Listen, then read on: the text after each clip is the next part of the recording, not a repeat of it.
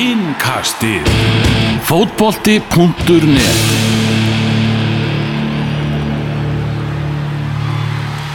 Hæ, hæ, hæ, það er komið að Evrópu innkastinu. Elvar Geir og Daniel Geir Moritz eru mættir til ykkar í eirun ykkar. Uh, byrjum á því, Daniel. Hvað finnst þér um Flóna og, og Nínu? Stóru málinn. Mér finnst það bara fyndið það er svona Svolítið mitt teik sko Mér finnst það bara flott lag. Já, ég bara Það er bara fínt svona, svona skemmti aðriði sko eins og þetta átti bara að vera Já, og svo ánægð með það að þú veist allir á ummala að kommentakerfanum alveg brjálaðir sko. Já.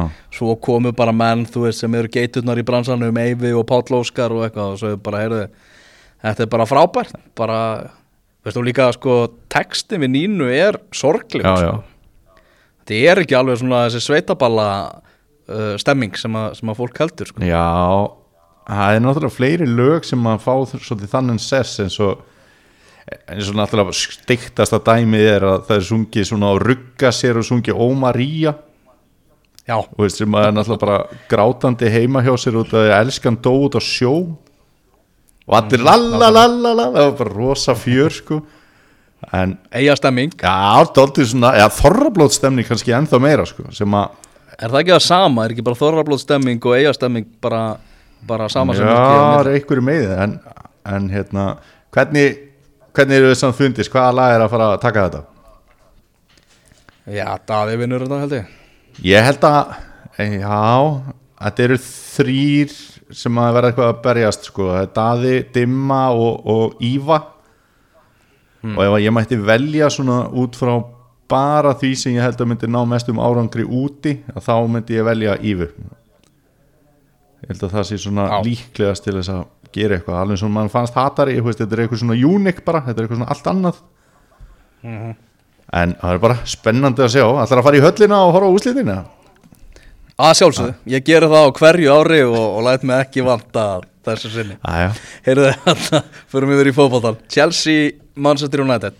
Við ætlum að byrja bara þar. Við ætlum að fara náttúrulega hinga og þanga Alltaf helsta sem er að gerast í, í boltanum. En byrjum á leiknum sem að, sem að var í kvöld. Og við uh, ætlum að henda í engunagjöf Ég fekk að gefa mm, mínum mönnum í Manchester United engunir fyrir þennan leik Og þú, þú Chelsea. Og ég skal bara byrja þetta. Á, það var eiginlega er, áður en að þú sagðir á ég ekki að taka United þá var ég að fara að skrifa herri, ég skal taka United. Ég var svona aðeins Bara spenntari fyrir því en, en hérna bara flott lið og rítu á vaðið. Já, þetta er góður árangur Já, United á móti Chelsea Það er öryggi sigrar í, í báðum leikjunum. Uh, David De Gea uh, bara uh, nokkuð solid bara naut svolítið góðs á því að vörninn var hundtrygg fyrir framannan þannig að ég ætla að henda sjö á David De Gea. Mm uh, Aron Van Bissaka náttúrulega leggur upp að markið fyrir Martial. Og hann hefði unnið allir geta dansað með uh, já, undanfaranum af því. Ég veit ekki hvað Siggi segir um það en ok, ok. Jájá, hann hefði rúlað yfir allir geta dansað hann uh, fyrir framann og þú veist og hann var svona óvæntasta framistaðan uh, ekki góðar fyrirgjafir frá honum á þessu tímabili en þarna kom einn lúksus góð og ég ætla bara að henda maðurleiksins og nýju á Aron Van Bissaka. Ok, ég, ég er með annan sem að mér fannst maður leiksins en ok, ok. Ok, uh, Erik Bæ uh, Hann var langt síðan Mjög langt síðan Maður hefur séð við líka framinstöðu frá honum. Her- Átta. Herru, hvernig fannst þið þegar hann snýri bara í, í fjóra ringi inn í eigin teig og var aldrei að fara að missa bolta Það var spaðalegt. Það var mjög Ég spaðalegt veit ekki ef maður hefur verið þjálfari hvort að maður hefur verið ánægð með þetta en þetta var glæsilega gert hjá honum sko. En Já, en hann hefði, hefði verið myrtur ef að þetta hefði mistekist Já, eitthvað hann var mjög góður í þessu leik átta bara eðlilega einhvern Herðu, Harry Maguire. Mhm. Skoraði þessum leik var hrikalega flottur en flækir svolítið að gefa hann um einhvern því að hann átti að fá raukt spjaldi í þessum leik. Nei. Jú, Fyrir þetta pungspark fyrir þetta pungspark í Mitsi Batshuayi Nei. og ef við horfum á ef við horfum til dæmis á rauðaspjaldi sem að Son fekk uh, sami dómari, Anthony Taylor að dæma báða leikina. Harry Maguire átti að fá rauðaspjaldi í svona leik uh, Þess vegna ætla ég að lækka hann aðeins. Hann fær sjö í einhver frá Ég er algjörlega ósámála að þetta hefur verið rautt spjald og þannig náttúrulega er þetta skoðað í var og þar sá hver sem vill að þetta var ekki neitt nema óhapp. Og þetta var ekki þetta var ekkert svona rosalegt spark og ekki neitt en að ég hef Þessi kippur í fótinn Þetta er ekkert eitthvað eðlilega viðbröð sko hann, nei, en samt þegar þú ert að detta aftur fyrir því þá byrjar að lifta löpunum til að ná jafnvægi þetta er bara eðlilegast hlutur í heimi sko. uh. ja, Ah, stálhef, Stálhefin að Ah, ykkur ok. upp Á mínum að ok. þá var þetta klálega rauð spjald uh, Luke Shaw uh, Hann var flottur í svona Já. leik, átta Bara öftustu menn hjá United í svona leik voru, voru drullu flottir sko ok uh, Brandon Williams var uh, sístur að þeim. Mm. og uh, fær sex í engun hann var náttúrulega var var svolítið náttúrulega með Manchester United í þessu leik og, og Chelsea skoraði, skoraði mark uh, þar sem hann var dæmt uh, að það verið brotið á Brandon Williams sko. já, uh, kert hann aftan í, í bakið á hann en annars bara þú veist þessi strákur, hann er, hann er hugaður. Hann er það er mikill honum og, og kraftur sko. Mm. en hvað fannst þið samt um Freddy í því atviki, veist, hann náttúrulega stjaka fyrst við, hvað er ekki Aspelu Kveta sem er dæmdi brúðlegur þetta var hann þetta var svona smá domino sko. Já, Manchester United var heppið þarna. Var var svolítið með Manchester United í liði í svona leik sko. uh, Nemanja Matic. Talandi um leikmenn sem að langt síðan maður hefur séð svona framistöðu frá. Það er átta á Nemanja Matic. Sko, mér fannst Matits ömurlegur til að byrja með í þessu leik. Og svo vann hann sig alveg hrikalega vel inn í leikinu ég var bara hristandi hausinn bara enn og aftur um Matits eitthvað svona jólasveinast en ég, ég hefði ekki farið með hann upp í átta en mér fannst hann vinna sig vel inn í leikinu og hann var bara mjög fín Ok, 7,5 Nei, þú, þú ert að, þú ræðið sko. Nei, hún er að samfara með 7,5 Ok, ok. uh, uh, Fred uh, Hann er Hann er 7 Já, Já, mér fannst Fred vera jafnvel maður leiksins sko. já. Mér fannst hann ríkalega góður. Hann var, minna 7 er ekkert vond einhvern sko. Nei. En mér fannst til dæmis Bruno Fernandes betri uh, Og hann á náttúrulega stóðsendingu í markinu hjá, hjá Maguire. Mhm, Ég ætla að henda 8,5 á Bruno Fernandes. Ok. Uh, Daniel James 4,5 Herðu, hérna manstu eftir í vöktunum, nætuvaktinni? Já. Þegar, og, og, Daniel Sæfarsson er að byrja að vinna á bensinstöðinni og Ólaður Ragnar er að segja honum til já, svo snýst þetta bara um að vera með tusku og lúka busy. Daniel James er ótrúlega mikið þannig leikmaður. Já, veist, alltaf, hann lúkar alltaf busy, það er alltaf nóg að gera alltaf alls konar hlaup og hitt og þetta. En það er ekkert rosalega mikið að frétta sko. Ég sko Hann er náttúrulega að spila bara of mikið á þessu tímabili. Veist, þetta er Þetta tímabil bara fyrir hann á þessum tímapunkt í ferlinum þá á hann að vera svolítið svona bara þú veist, hoppa inn og út úr liðinu þegar á þar að halda þá kemur hann inn, kemur inn á bekknum og eitthvað. En ég held að það væri bara best fyrir hann. Hann er einhvern veginn í of stóru hlutverki sem að bara lýsa sér í vandamálu Manchester United á, á tímabilinu. Hann náttúrulega sagði sjálfur í einhverju viðtali fyrir í vetur að, að koma hann á óvart að hann var að spila mikið sko. og það er svolítið langt síðan og hann er búin að spila fullt eftir það sko. Já, akkurat. Uh, Antoni Marcial, hann þurfti svo sannarlega á þessu marki að halda. Uh, búið að vera svolítið erfitt hjá hann eftir að hann var settur í það hlutverk að vera að fylla skarðið hjá Markus Rashford sem, sem fremsti maður. En hann náði þarna þessu marki og það er átta á Antoni Marcial og þá kannski bara hvað sérstaklega fyrir þetta skallamark sem var stórkostlegt. Það var rosalega flott mark en þar var eiginlega upptalið hvað Marcial gerði í þessu leik. Já, já, það var rosalega vel gert. Það var bara frábært og, og sendi ekki náttúrulega með, eins og varst að fara yfir áðan að Van Bissaka þurfti að hafa alveg svakalega mikið fyrir því að ná svona góður í sendingu með þessum dönsum sínum. Þannig að þetta var, þetta var rosalega flott mark bara. Algjörlega Svo fá bara varamæðandi 6 Það er allir einhvern veginn svona bara hlutlus innkoma þeim. Já, já, já. En hve, hvernig, er, hvernig er Chelsea einhvern veginn að fara með þetta? þeir fá lagri einhvernir heilt yfir heldur en þú varst að gefa það.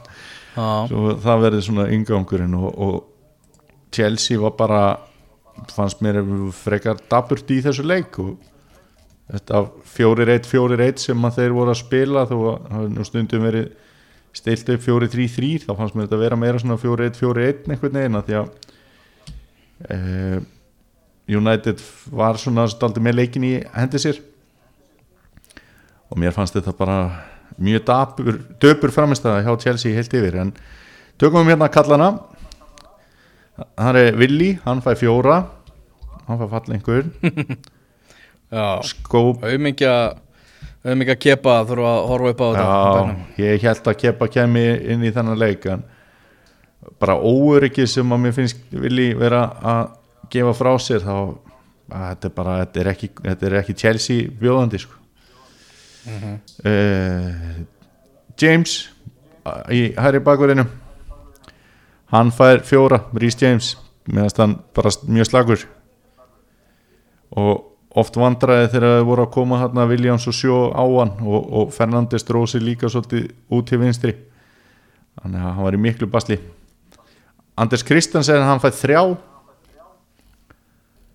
Hann var mjög lélegur og var síðan óheppinn að fá hérna höfuhögg og fór af leikvelli og var síðan skipt út af það hefði ekkert átt að skipta honum eða sem sleip honum aftur inn á eftir að hann meiðist og lítur náttúrulega mjög illa út í þessu marki hjá Martial þannig að hann var arfa slagur Rúdiger, hann fær 5 mm -hmm. meðist hann ekki fá fallengun í þessu leik en hann var ekkert frábær. Uh, Cesar Aspölu Kveta hann fær svona 6 veist, hann var svolítið að reyna og, og gera hitt og þetta en, en hérna hann svona hvorki hækkaði né lækkaði sig. Uh, N'Golo Kante spilaði bara það stutt að hann hann er ekkert að fá einhvern hjá mér. Nei, og bara 11 mínútur. Já, og þetta hefur náttúrulega riðlaði skipulaði Chelsea í leiknum að missa hann út af því að hann er besti leikmaður Chelsea mögulega. Þannig að meðast hérna, já, þannig var það og, en fyrir hann kom Mason Mount þegar við tökum hann þá meðast, meðast hann allt í lægi bara svona 6 mm -hmm. Horkinjó líka, svona 6 Mm uh, Kovacic fannst mér með ef ekki bara besti leikmaður Chelsea í, í þessum leik meðan hann fá svona 7 Alveg sammála því. Það var, það var kraftur og orka í, í Kovacs Já. Hann er búin að vera, vera bara mjög jákvæð tíma Já. bestur í Chelsea. Ég er algjörlega sammála þér Já, og ef það hefði ekki verið fyrir einhverju ofurtæklingu hjá bæ þá hefði hann líklega skorað og þar, það náttúrulega síndi Giroud strax snilli sína hvað, hvernig hann bjóð það færi til. En ég ætlaði að koma aðeins betur á það eftir. Petro fæ 5 hann var var svona ágætlega stemdu til að byrja með og svo fjaraði undan því hressilega. Er ekki allir bara til í það að Petro bara fari frá, frá Chelsea? Hefur einhver gaman að því að sé þarna? Herri, þetta, þetta, hérna, þetta suðræna kaltæni sklott þegar hann, svona, þegar hann leikur sér svona að því að hlæja þegar það er dæmt gegn honum Mér langar bara að- að brjóta sjónvarpið þegar hann gerir þetta sko. þetta er ógeðslega pyrrandi þetta er ekkert smá leiðilegur einhvern veginn svona stælar og já, jú, hann má bara drulla sér úr þessari deild, þetta er leiðilegur leikmaður sko. En oft er hann náttúrulega mjög góður eða, veist, eða nokkuð góður, hann á alveg klárlega sína spretti og, og er ekki Chelsea fyrir einhverja tilviljun en ég held að með það verkefni sem er í gangi hjá Chelsea þá passi hann ekki inn í það Mhm. Viljan fær 6 líka hann var, Mhm. hann var svona hvorki nýja bara Mhm. uh, Mitsi Batsuai fær svona þrjá í einhvern Já, ég hafði aldrei aldrei á tilfinningunni að hann myndi skora í þessu leik. Aldrei. Og það var alveg ótrúlega lélegt hvernig hann hjálpaði þessum uh, sóknatengiliðum bara ekki neitt og hann var engin, ekkert höfuð bara á sóknarspili Chelsea og, og, og mikil vombriði og ég held að Oliver Sýrú hljóti að byrja næsta leik sko. þannig að þeim sem kom inn á eh, Kurt Zuma ég meina hann hann náttúrulega fær bara kannski 5 eða 6 þú veist, hann náttúrulega ó- óheppinn og skor ekki og sagt að markið var ekki dæmt gild það var mjög vel, vel klárað hjá honum en þetta var svona hvorki nýja einhvern veginn og Oliver Giroud, mér fannst hann koma inn með ákveðnum krafti og breytti svolítið takturinn í leiknum þegar hann kom inn á. Chelsea fór þá að ógna meira og, og tengja bara miklu betur þannig að ég myndi gefa Giroud svona 6,5 Ok, ok, það er sækjart já, já. Þannig að Hvað myndir Hvað myndir gefa hérna Frank Lampard á skalunum 1-10 bara fyrir fyrstu 26 umferðunar 41 stig. Já, bara, já, já, ok bara tímabilið bara hinga til. Já. Ég myndi gefa hann svona 7, 7-5 mm Þú veist, ég held að hann sé bara að gera fína hluti og hann er alltaf að vera líkar og líkar í kallinu. Hefur þið tekið eftir því? Mannst það, eftir pappa já, hans? það, já, já, heldur betur. Já, hann er alltaf að vera einhvern veginn líkari og líkari honum og ég ánaði með það. Já, en mér fannst samt mjög dapurt hjá Frank Lampard þegar hann fór að tala um það einhvern tímann um daginn að, að Chelsea var líklegt til að missa af fjórðasætinu og fór einhvern veginn svona að tala árangur niður og veist að því að hann var einhvern veginn svo grjótharður fyrir tímabilið þrátt fyrir að var þetta félaga skiptabann og allt þetta og svo fór hann einhvern veginn að tala svolítið aumingjarlega sko. ég, ég sammála því og sko ég sá hérna, ég var að fylgjast með líka uh, textalýsingunni á BBC á þann Já. og þá var svona aðeins verið að skjóta á hann það stefnir í að þetta verði svona 15. leikurinn á tímabilinu þar sem að Frank Lampard kemur í viðtal og talar um það að þeir hafi ekki nýtt færin og verið samt svo góðir og da da da da da. Já, þannig að svona að, veist að maður sér ekki oft svona skot frá BBC sko. nei. Þetta var svolítið svona, veist, já, hann þarf aðeins að, að bara bera höfuð hátt og vera aðeins meiri töffari, ég er alveg saman því. Já, því að árangurinn er bara viðunandi sko. já, já, algjörlega, þeir eru í fullri baráttu um þetta en náttúrulega þessi úslit í kvöld gera verkum, Chelsea 41 Tottenham 40, Sheffield United 39 United 38 svo koma Wolves og Everton 36 þú veist, er, og þínu menn í Arsenal ef að þeir komast á skrið, koma þeim á eftir veist, þetta er barátta núna um meistaradildarsæti er orðin alveg hrikalega spennandi sko. Já, en það varstu ekki að byggja um að spá fyrir hvað ég myndi gefa Frank Lampard í einhvern þegar tímabilið er búið, heldur bara hvernig staðan er núna akkurat, en hann þarf að fara að halda vel á spilunum og hann ætlar að fara að gera eitthvað sko. Algjörlega uh, hvernig fannst þér í Kalo í leiknum? Herði, mér finnst það bara þetta var náttúrulega mjög stuttu tími en lofar þetta ekki bara ágætu það? Jú, jú. Já, þetta var mjög, mjög, mjög stutt Já, uh, hann samt kom Sko- samt, hann, hann samt komst einhvern veginn í taktin sem hann var í gangi og, og hérna gerði svona á, á, eitthvað skilur du? Hann gerði eitthvað, er það ekki bara vendingallar sem hægt er að gera til hans? Uh, Þetta er fyrsti nýgerjumæður sem spilaði í Manchester United já, það er áhugavert Já, það eru nú eiginlega flest þessi liði lungu búin að prófa nýgerjumann eitthvað tímann en United Já. ekki eitt af þeim Herru, Paul Pogba uh, heldur að hann sé að fara að spila aftur fyrir Manchester United? Já, Þú veitur það? Uh, ég var að fylgjast með ykkur um fréttamannafundi og Solskjær hann var rosalega einhvern veginn ósannfærandi í svörum um, um Paul Pogba. Og með að við hvað, þú veist, fréttnar að þeir vilji bara fá James Mattisson og Jack Grealish báða mm þá eh, finnst mér bara allt bend til þess að þeir eru að búa sundi það að, að Paul Pogba sé bara farin sko. Já, ég held að það sé meiri líkur en minni að hann fari í sömar en ég held að hann hefði klálega eftir að spila það sem að eftir er að þessu tímabili sko. Já, fróðilegt að sjá. Þetta var allavega að trölla sigur fyrir Manchester United í þessum 60 leik og uh, stuðnis með Manchester United skemmti sér vel yfir því að, að syngja einhverja söngva um granna sína í Manchester City út af þessu máli sem að, sem að er í gangi á þeim það sem er náttúrulega UEFA búið að dæma þá í tveggjára bann frá meistaradild Evrópu, það er bara frá Evrópukeppnum og, og sekta þá og nú er bara byggðið eftir því hvað ennska úrvastildin, hvernig þeir að refsa Manchester City fyrir þetta, þeir eru náttúrulega búinir að áfríðusu mm -hmm. og, svona ótrúlega mikið af vangaveltum sem eru í gangi, þetta eru brot sem að eh, eru frá 2012 til 2016 mm -hmm. þannig að meistaraliðin Eh, hjá þeim hérna nýlega þau, þau eru ekki hættu í, í þessu tilfelli mm -hmm. en það er englandsmeistartillin 2014 sem er náttúrulega mikið búið að vera að ræða um hvort að Steven Gerrard fóði dæmdan allt í nú englandsmeistartill uh, eh, það er, það er bara, bara vanga, vangaveltur og, og þá er Leopold að fara að vinna sem 20. englandsmeistartill og þessu tímabili ekki 19 búið að jafna þá Manchester United á topnum yfir flesta englandsmeistaratitla mm -hmm.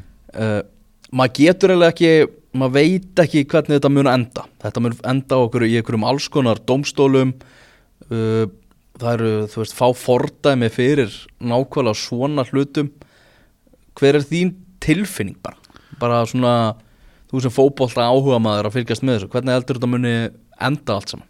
Sko, það er náttúrulega einhver fordæmi fyrir alls konar hlutum, við veitum sögu AC Milan og er ekki réttið mér að Juventus þeir mistuðu títla þegar þeir voru dæmdir í bann á sín tíma það, veist, það voru eitthvað mútumál og já, öðruvísi já, mál já, þetta, einmitt, sko. akkurat.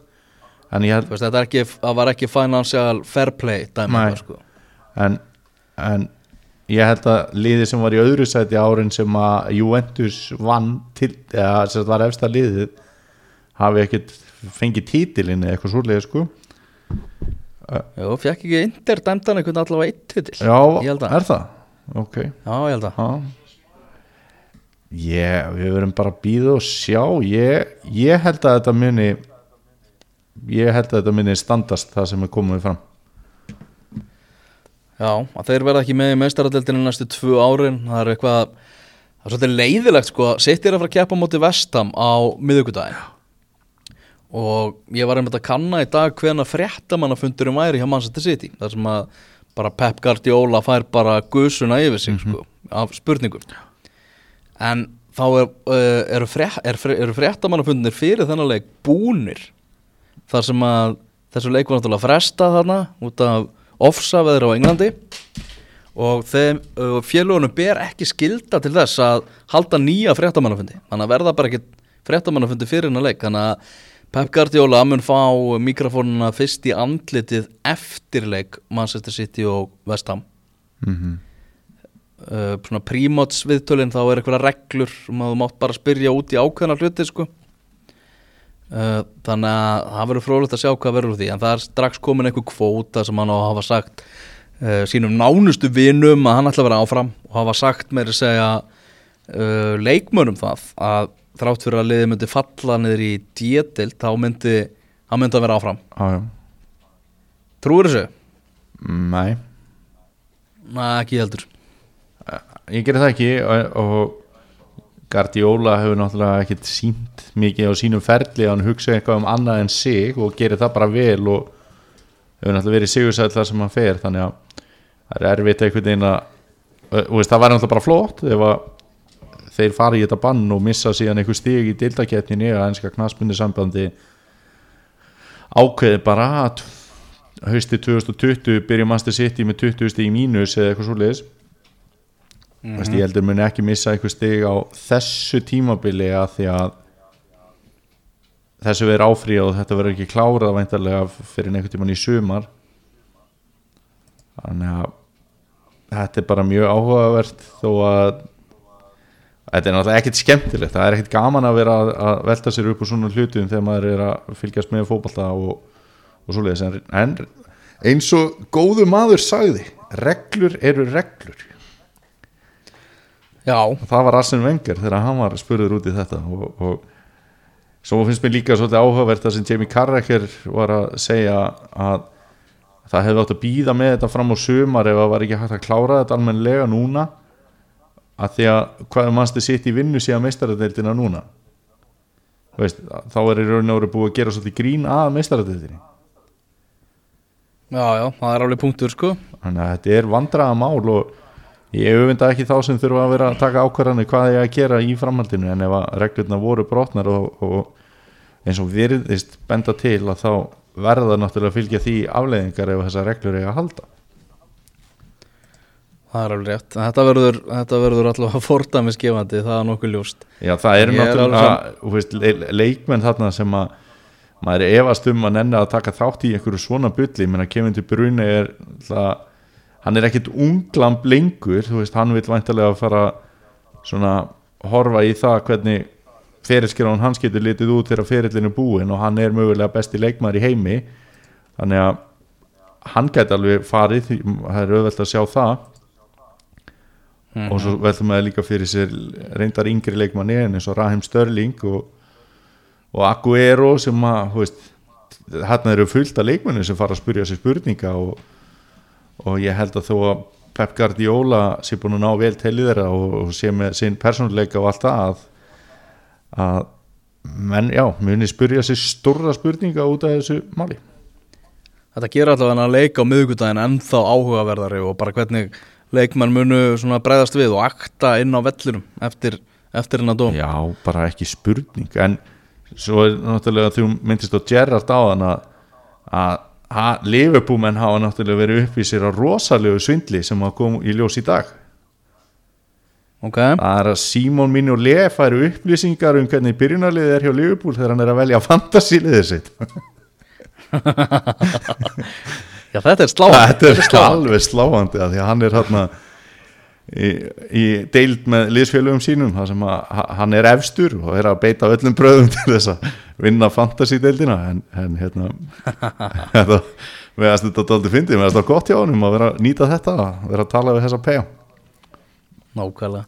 Er það komið að því uppáldið þitt í þættinum, Daniel, þú erum búin að býða eftir þessu þínu menn í Arsenal með 4-0 sigur á móti Newcastle í gær. Hvernig leiði þið bara eftir legg? Nei, leið mjög vel eftirleik Já, uh, fyrri hálfleikurinn að benti ekkert til þess eftir hann að, að Arsenal var að fara að vinna leik 4-0, vantaði einhvern veginn allan brott og virti svona hugmyndasnöður í sóknarleiknum en eitthvað sem að Mikael Arteta gerði í hálfleiknum, það virkaði því að þessi framistæði Arsenal síðustu 45 minútur leiksins var bara stórkostleik sko. Já, ég er eiginlega ánæðari með að vinna 4-0 svona heldur en að hefði til dæmis verið 3-0 í hálfleik og svo hefði komið eitthvað marka á 70. mínúti Já, að því að mér finnst þetta að vera svona meiri vonberi fyrir okkur aðsynnar stuðnismenn að þetta er ekki alveg að ganga upp og svo kemur stjóri sem að virðist bara vera að taka á málum og liðir sínir allt hann að leik í setniháleik Já, margt rosalega jákvæmt við hennar leik, náttúrulega áhugavert í bara já, uppstillingunni hjá Arsenal og hópnum að Guendouzi, hann er bara skilur eftir utan hóp, svo talaðum það að hann hefði farið bara að rífast þarna eitthvað við, við Arteta í, í, í hlíðinu mm. Eddie Engatia uh, 20. stráku fekk tækifæri í byrjunuleginu meðan hann var með með Martinelli og Lacazette á bekknum Lacazette kemur sann inn og skila bara marki og stóðsendingu var alveg vel gýraður eftir að hann kom inn á mm -hmm. Bukayo Saka var náttúrulega geggjaður uh, sem sóknabakurur þessi 18 ára strákur getur náttúrulega líka alveg spilað sem vangmaður og finnst skemmtilegast þegar hann er að taka þátt í, í sóknarleiknum. Hann var alveg magnaður í þessum leik. Uh, sko ég veit veist, overreaction Monday og allt það. Gæti þetta verið bara leikurinn þar sem að hort verður tilbaka og hugsa að þeir eru þarna byrjuðu hjólin að snúast hjá Arteta? Já, það geti alveg gert sko. Og þú taldir ekki upp þann mann sem að ég var hvað eh, ánægastu með líka þegar maður heldur bara svona með honum og er að býða eftir að þetta gerist, það er Niklas Pepe Já, getur tekið Ceballos líka sko. Já, já, maður er kannski minna verið eitthvað að vonast til einhverja þar eða að býða eftir einhverju, ég held að að sé að klára síðuna, síðustu mánuð í Arsenal treyjunni, bara á þessu láni. En Pepe var náttúrulega skoraði þarna og leggur upp og á, leggur upp tvö mörg og á síðan svona second assist líka, þannig að hann var mjög öflugur. Sko næst er heimaleikur á móti Everton. Og Arsenal er þá í dauðafæri að fara að tengja saman leiki tengja saman sigra þannig að þetta geti alveg verið eitthvað svona upp að einhverju að einhverju skemmtilegu sko.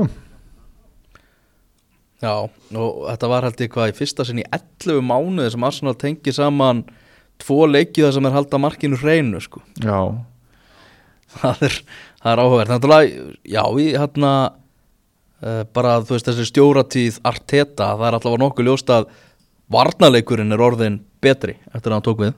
Já, ég nefnilega ég var einmitt að ræða þetta við góðan Arsenal félaga einhvern tímann um daginn.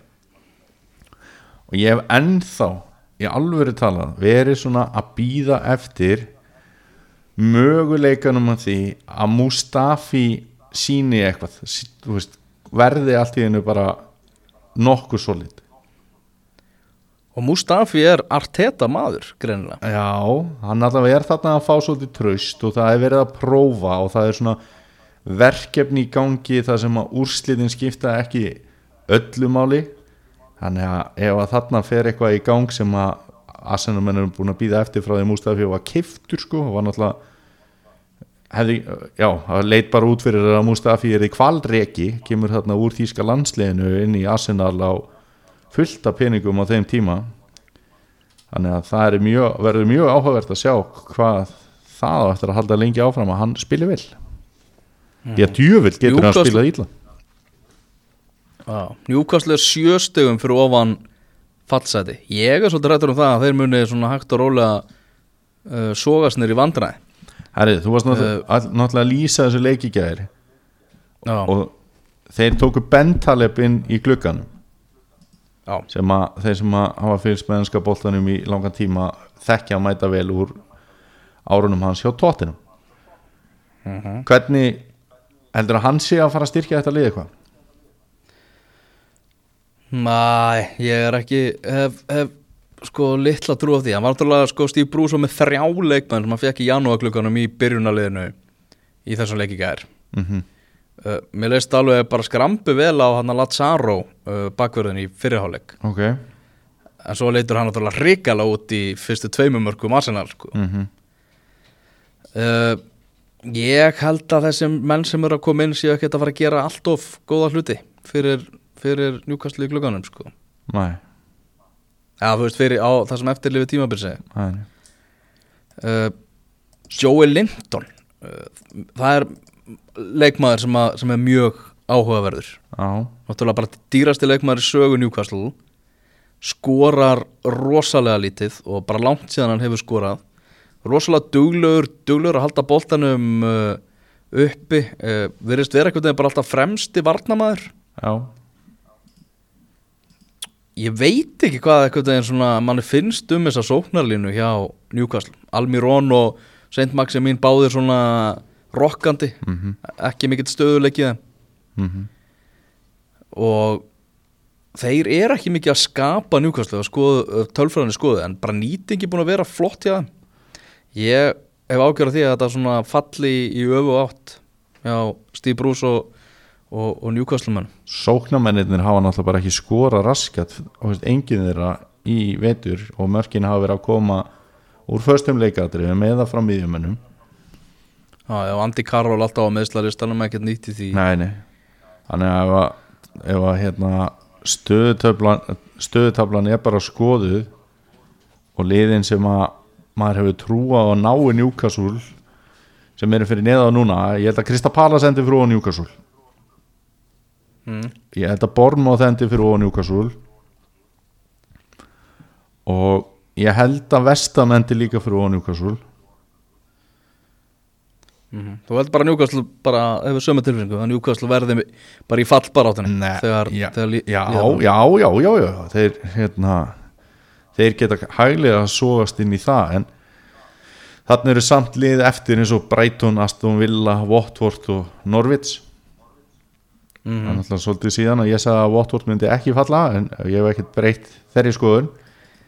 Já. en þetta getur verið mikið ströggl hjá Newcastle og ég held að Steve Bruce sé náttúrulega svona gæi sem að stuðnismenn geta mjög fljótt snúist gegn sko.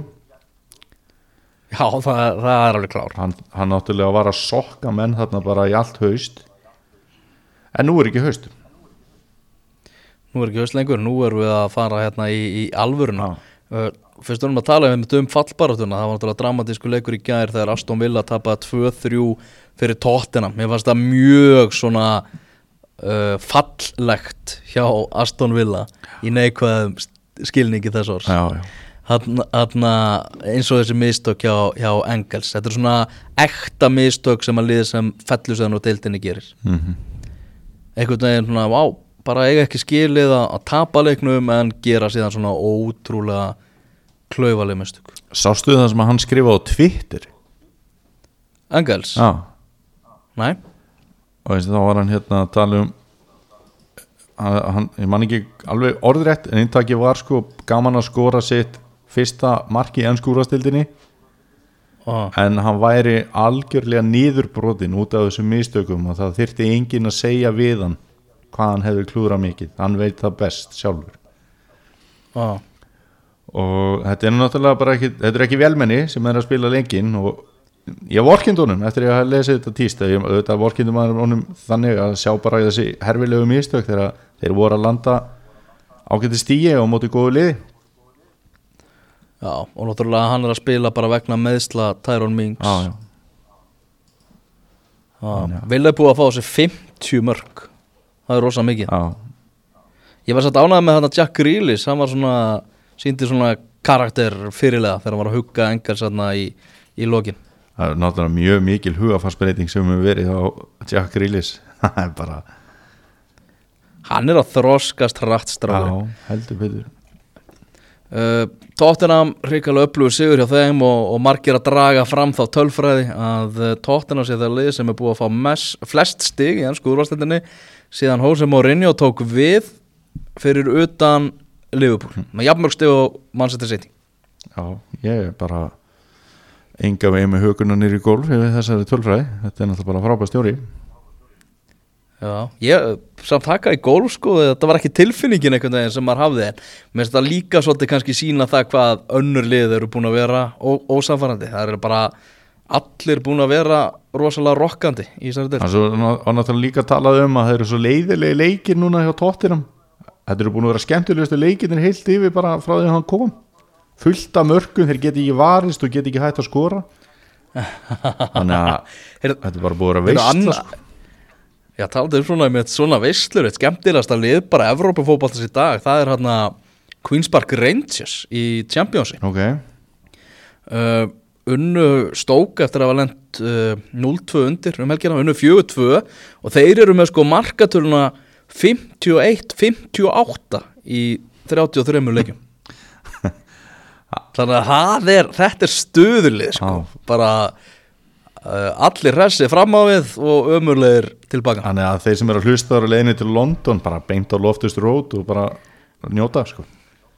Já, þar er gleðin sko. Það er allavega svona fjörið. Uh, uh, Næsti leikur Það er Norwich Liverpool eh, 0-1 þar sem að Sadio Mane kom á bekknum skoraði eftir sendingu frá Jordan Henderson Liverpool með 25 stiga fórustu ósigraði í 43 leikjum Arsenal þínu menn eiga metið 49 og Liverpool er búið að ná mesta stiga fjölda sem að lið hefur náð í Evrópu boltanum og þá erum við að tala um svona þessa fimm uh, stóru, fimm fræknu deltir uh, eftir 26 umferðir. Þannig að við erum að tala um að Liverpool er að toppa þú veist, Barcelona, Juventus Bayern München og, og PSG Mhm. þú veist, lið sem hafa haft ótrúlega yfirburði á mörgum tímabilum í, í sínum deltum Liverpool er að toppa þetta í önsku úrvarsleitinni það er náttúrulega ekki hægt að gera betur bara heldur að Leopold er búið að gera. Það er ekki hægt Jú, með að vinna 26 á Já, 26 og það er ekki hægt. Það er ekki hægt. Bara það til einhver afsanar það Já, þú veist, það hefur aldrei verið gert. deild eins og það er alltaf að tala um ennsku úrvarsleitina þú veist, allir leikir séu erfiðir og, og það skeri ennsku úrvarsleitina frá uh, deildum eins og, eins og La Liga og, og fleiri. En Liverpool er bara að hlæja þessari deild og þráttur að margi leikinir séu ekki mjög sannfarandi eins og til dæmis á móti þarna Norveit sem er náttúrulega pakkaði vel í, í vörn. Uh, þrátt fyrir að séu langneðstir þá er svona ákveður svona, þeir verðast ekkit vera að láta deigan eitt síga, þeir eru uh, erfiðir viðurregnar en bara Liverpool, alveg megagóðir og rosa gaman og, og mikið stuð og, og öll lýsingar orð eru tæmt. Hann munaði mjög litlu að flottasta margt tímabilsins hefði verið skorað í þessum leik. Mm. þegar að Jordan Henderson veist, hann náttúrulega laði upp marki fyrir Sadio Mane og hann er að taka reglulega þessa Pirlo sendingar. Já, það sem að, að bara, það er engin snúningur á boltanum, þetta er bara bara hnýtt miðað á nákvæmlega rétta punktin og þetta eru sko 40-50 metra sendingar. Þetta er, þetta, hann er svo geðvekk góður í þessu já, ég er ekki að segja að hann sé jafn góður í þessu og Pirlo en þetta er, þetta er náttúrulega vörumerki hans Pirlo. Og voru þessar sendingar og hann tek, tekur það reglulega. Og átti þess svona sendingu í sigumarkinu eins og ég segi en hann átti líka svona sendingu á Roberto Firmino sem að tekur þarna keðveikan snúning og það er bara varnamaður Norvits er rétt náði að, pika í boltan áður en að hann var að fara að bomba þessi neti það hefði verið keðveikt mark sko. en Liverpool voru náttúrulega hefnir, góðir og veist, hvað maður að segja í þessu leik að þetta tveir á móti eitt dæmi sem er búið að sína náttúrulega, eða tveir á móti markmanni sem er búið að sína aftur og aftur og aftur þegar Norvitsmenn voru bara hrætti við að skora. Og svo kom þetta þrjumu í stöngina líka þannig að þannig að, jú, jú, erfiðast að deildi heimi og allir leikir erfiðir og, og Liverpool vinnur bara samt. Það er svolis Southampton Burnley, það var áhugaverðu leikur hátægisleikurinn á laugardaginn þar sem Asli Westwood kom Burnley yfir beint úr hotspinnu sprelli mark þar sem að Danny Ings var algjörlega út á túnni og misreiknaði boltan herfilega bætti það sem hann upp og jafnaði í 1-1 en svo var það vítra tjekkin með sigur markið uh, það var ekki, var ekki margir sem voru að veðja það að vítra er þið héttjan í, í þessum leik Nei, það var virkilega vel gert en stóra málið í þessu leik er náttúrulega þessi svokölluðu varnatilbörður hjá Danny Ings eða hvað maður á að segja þegar hann leifi boltanum að fara í marki beint úr hotspinni þetta var þau líkt auðlarlegt hjá hann sko. Burnley vann báða leikina gegn Southampton og Burnley er bara fara að lykta Evrópusæti, það er bara möguleiki á Evrópu kvöldum á Turf Moor. Já, þetta er búið að vera eftir þunga byrjun þá er þetta búið að vera virkilega gott hjá þeim. Og þetta er náttúrulega góðu sigur þegar Southampton hafa verið svona nokkuð heitir og eru í bullandi, liði eru náttúrulega ennþá þú, veist, þú segir hérna Evrópu möguleiki ég minnst nú Southampton en, ennþá vera í fallbaróttu sko. Það er, það er sjö, sjö steginir í fallsæti og, og 14 leikir eftir en, en hérna þetta, þetta er búin að vera mikið breyting á börnlega og hvað ennar heldur við að við höfum eftir að sjá okkar mann spila Hva, Hvað sér þau? hvenær heldur við að við höfum eftir að sjá okkar mann spila Ég þú ekki að segja til um það sko. það er verið að tala um hans í heitl en það er verið að hlífa honum hmm. þannig að Bara vonandi fyrir hann að ná rönni bara henda þessu meðslum tilbaka sko. Það er bara þetta er bara orðið alveg hundleðilegt sko. og en- engum finnst það meira leðilegt heldur en honum sko. nei, nákvæmlega, nákvæmlega. Herðu, það var vonbreiðalegur á föstudaginn, Úlfandi Lester 0-0 uh, Lester mennum vantilega sáttari, mark dæmda Úlfonum og þeir manni fleiri í stunda fjórðung Já, hann var ekki beint gafnaljós þarna okkar maður eh, Hamza Tjádri Nei, og hann verður í bannið í Leikjag City um næstu velgi Já. En það, já, þetta var rosaleg vombrið þessi leikur. Þarna, þarna var maður búin að poppa og bara til í hvað sem er sko, það gerist ekki neitt. Já, fössara leikur og svona. Uh, Yfir í Championship deildina þar sem að uh, Leeds vann heldur betur mikilvæðan sigur gegn Bristol City 1-0 og Vestbrom og Leeds ennþá í tveimur eftir sætunum. En svo koma hérna Fulham Brentford, Nottingham Forest og Preston sem er stendur í, í þessum umspilssætum já, þannig að það er stuðið Championship bæði á toppi og í botni það er líka, líka haturum baráta í neðsta hlutunum sko Leeds var náttúrulega á leiðinni algjörlega að fara að glutra þessu frá sér bara á mettíma. Núna er þetta aftur komið í þryggjasti á fórustu á Fúlham þannig að það er spurning hvað er eftir að hanga lengi á þessu. Og það er náttúrulega bara fjögustig núna upp í Vestbróm Hmm. þannig að Þetta er svolítið hendugt held ég að sko leikja prógrami hjá þeim í lokin. Þeir eru að marga heimaleiki á lokasprættinum Lísar, á, ok. Sjáum hvernig þetta fyrir allt saman. Á Spáni þá minkaði Barcelona Foskot Real Madrid í eitt stig. Uh, Börsungurinu geta feð 2-1 þar sem að Antoni Grísmann skoraði. Uh, ekki út á kanti heldur, heldur fremstur því að það er náttúrulega meðsli hérna fram á við hjá Barcelona Luis Suárez. Eh, fór í aðgerð þannig að Osmani Dembele spilar ekki meira á tímabilinu. Og verður frá í, í ykkur sex mánuði en náttúrulega bara alltaf meittur en áhugaverða fréttir að Barcelona er komið undan þáu til að sækja sér sóknamann þrátt fyrir að glugginn sé lokaður og þetta er eitthvað sem að bara La Liga leifir, þeir verða að sækja sóknamann úr spænsku deildinni sem er annarkvort búin að spila í efstu deild eða næst efstu deild eða leikmann sem er á frjálsri sölu, er félagslaus. Já, á ég að kommenta þetta?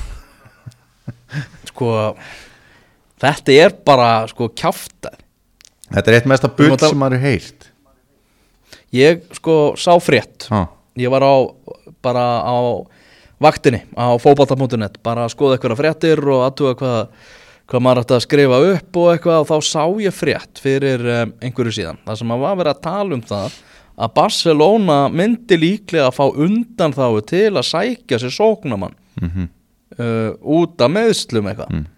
og ég hugsaði að þetta er almest að kjaftaði sem ég lesið og þessi frétti er bara, er bara eitthvað bull. Ég ætla ekki að skrifa hana upp sko. Þegar svo reynist þetta bara ekkit vera kjaftaði Næ, þetta er bara staðrind þetta er bara staðurreind uh, sko ég skil það þegar markmannstaðan er annars vegar. En lið eins og Barcelona á að geta glýmt við skakkaföll fram á við. Og þú veist með ok, La Masia og alla þessu ungu stráka og allt það eða bara þú veist nota einhverja leikmenn út úr stöðu eða hvað sem er. Mhm. uh, þetta er það er einhvern veginn allt við þetta bara algjört kjaftaði sko.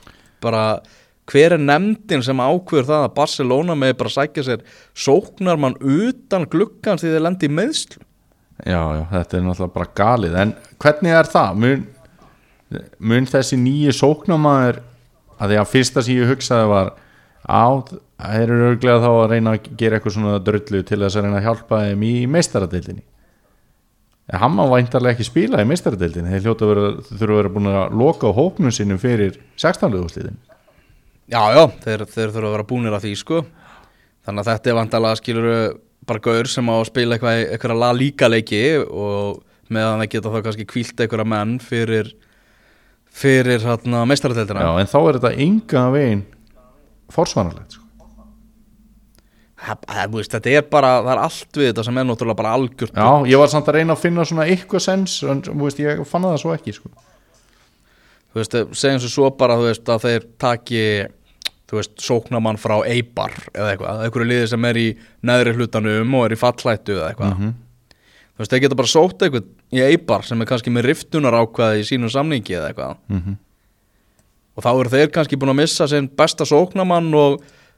og, eða þeir þá að sækja um undan þá eða þú veist, þetta er ég, ég hérna ég á ekki auka tekið orði við þetta kjaftaði sko. ég er bara hjartanlega sammála og það hefur nú oft verið skítafíla í kringu Barcelona þó að svo að það sé nú bara alveg sagt. Og það er bara þeim sjálfum að kenna ef að þeir bara eru ekki undirbúinir undir það að lenda í svona skakkaföll Já, það er bara ekki spurning og þetta er það lið sem að hefur hvað mest úr að móða í þessari deild ásamt Real Madrid það önnur lið keppa ekki við þessi lið þegar kemur að peningum og, og hvað það getur verið með breiða hópa og allt það. Og þó að þeir séu í þessari stöðu núna hvern anskotan er verið að hugsa sko. Þetta er bara algjör bílur sko. Já, en allavega Real Madrid gerði jafntefli við Celta Vigo 2-2 í gær þar sem að Edin Hazard snýr aftur eftir meðsli Förum, við til Ítalíu þar sem að uh, spennan er allsræðandi Juventus 57 stig, Lazio 56, Inter 54 það var náttúrulega reysa leikur í gær þar sem að Lazio vann uh, Inter 2-1 eftir að Asle Jong kom Inter yfir. Mm uh, fyrir þá hafði Juventus unnið Birkir Bjarnason og Balotelli í Brescia 2-0 Birkir og Balotelli báður í byrjunaliðinu og mikilvægur sigur fyrir Juventus þar sem að framtíð Sarri hefur verið mikið í umræðinu og talað um að það hafi verið krísufundur. Jafnvel bara að að það lekri geti snúið aftur. Um, en eitt leikmaður uh, Ciro Immobile mm. hjá Lazio. Hann er sá leikmaður í Európa-bóltanum sem að er með flest mörk þegar settir saman mörk og stóðsendingar Mm 32, er ekki allt og lítið talað um hann að leikmann?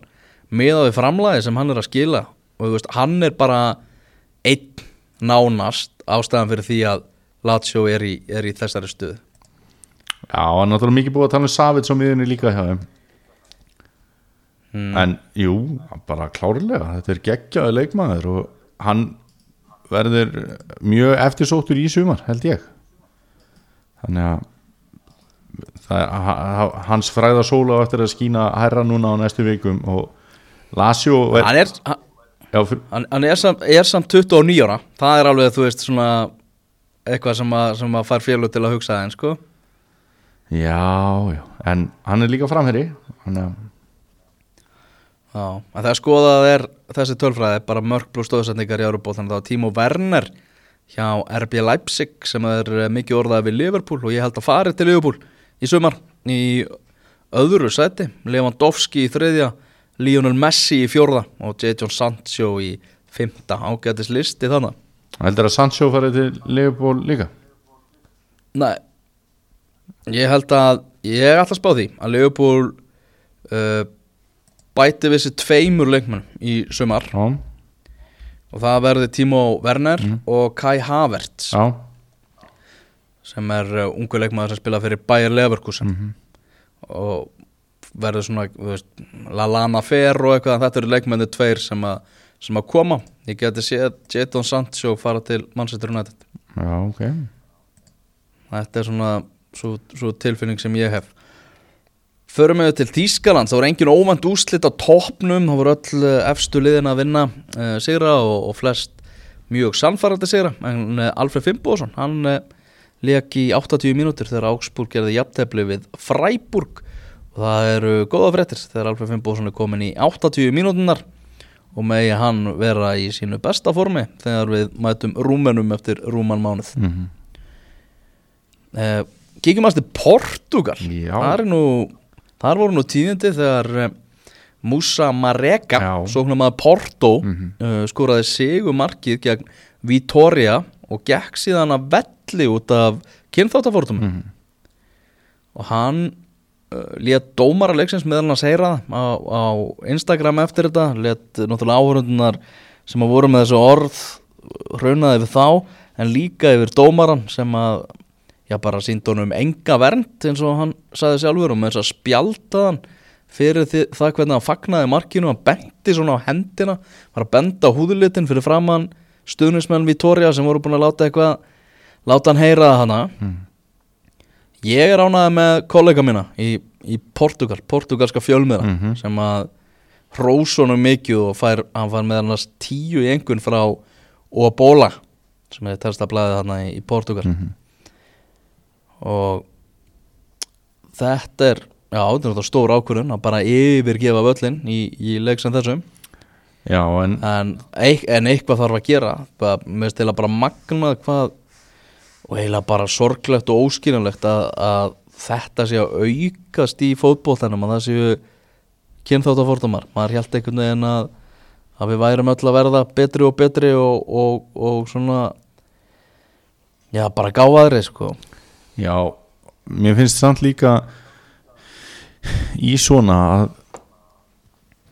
sko fyrir einhver, einhver fíbl sem ætla að haga sér eins og fíbl að þá er ákveðin vernd í því að fá þá að tilheyra hópi með þá hegðun mm. og það voru náttúrulega ekkert einhver stuðningsmenn Vítória þannig lagað að haga sér svona heldur bara einstaki menn eða ákveðin hópur eða hvað það er lítill, hó- lítill hópur væntanlega. Og það þarf einhvern veginn að fara að beina spjótum meira að því og bara fangelsa fólk fyrir svona. Þú veist, þetta er banna með lögum. Þetta Það er þannig, það er þannig. Og bara það það þarf að vera bara alveg sektir og einhver viðurlegu við svona. Þá, þá kannski fyrir eitthvað að gerast í þessu.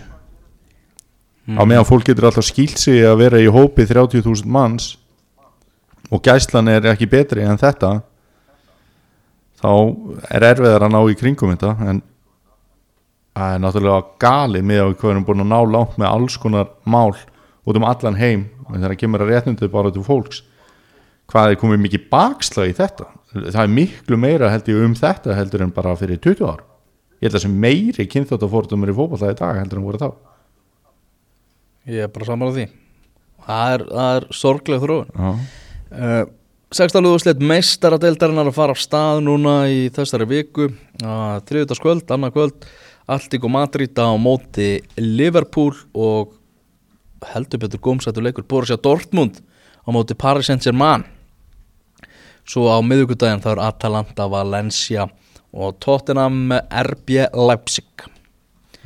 Rasen Ballsport Leipzig eða Red Bull Leipzig eða hvað, hvað sem ég vilja kalla á þetta er allavega leikir sem, sem framöndan er og sérstaklega flotti leikir annað kvöld. Mm en uh, er eitthvað við þetta bæta Daniel, eitthvað sem þú vilt segja við þjóðina að lokum?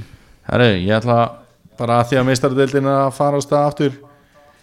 Þú fær engan umhugsunarfrest og átt að segja hverju vinna meistaradeildina byrja. Uh, ég ætla að segja að Paris Saint-Germain vinna hana meistaradeildina? Já, Já, ok Svo kann Þú veist, þetta er svolítið svona þetta er svolítið snúin meistardelt að því leiti skilur að uh, það er eitthvað neginn kannski bara veist, uh, þetta sitt í dæmi gefur þeim eitthvað spark í rassinn og þeir bara taka þetta sko Mhm. en það er svona mikið af stórum liðum Evrópu sem eru meira ósanfærand á þessu tímabili heldur en þau hafa verið undan fyrir nár þannig að í- það var alveg, ég get alveg séð bara eitthvað óvænt gerast jafnvel, að við fengjum bara bara eitthvað eitthvað svona portóæventýri eða eitthvað sko. Já, ég held allavega að þetta eh, er því mjög óvænt og þetta segja það. Já, þegar PSG þekktir fyrir það að koksa vel í, í þessari kefni Já, já, ok. Já, hvað hva, hva myndir þú setja þeim penning á? Það er bara takk fyrir í kvöld. Það var góð þáttur og Æ, na, Þeir eru bara heyrum síðar. Gerum það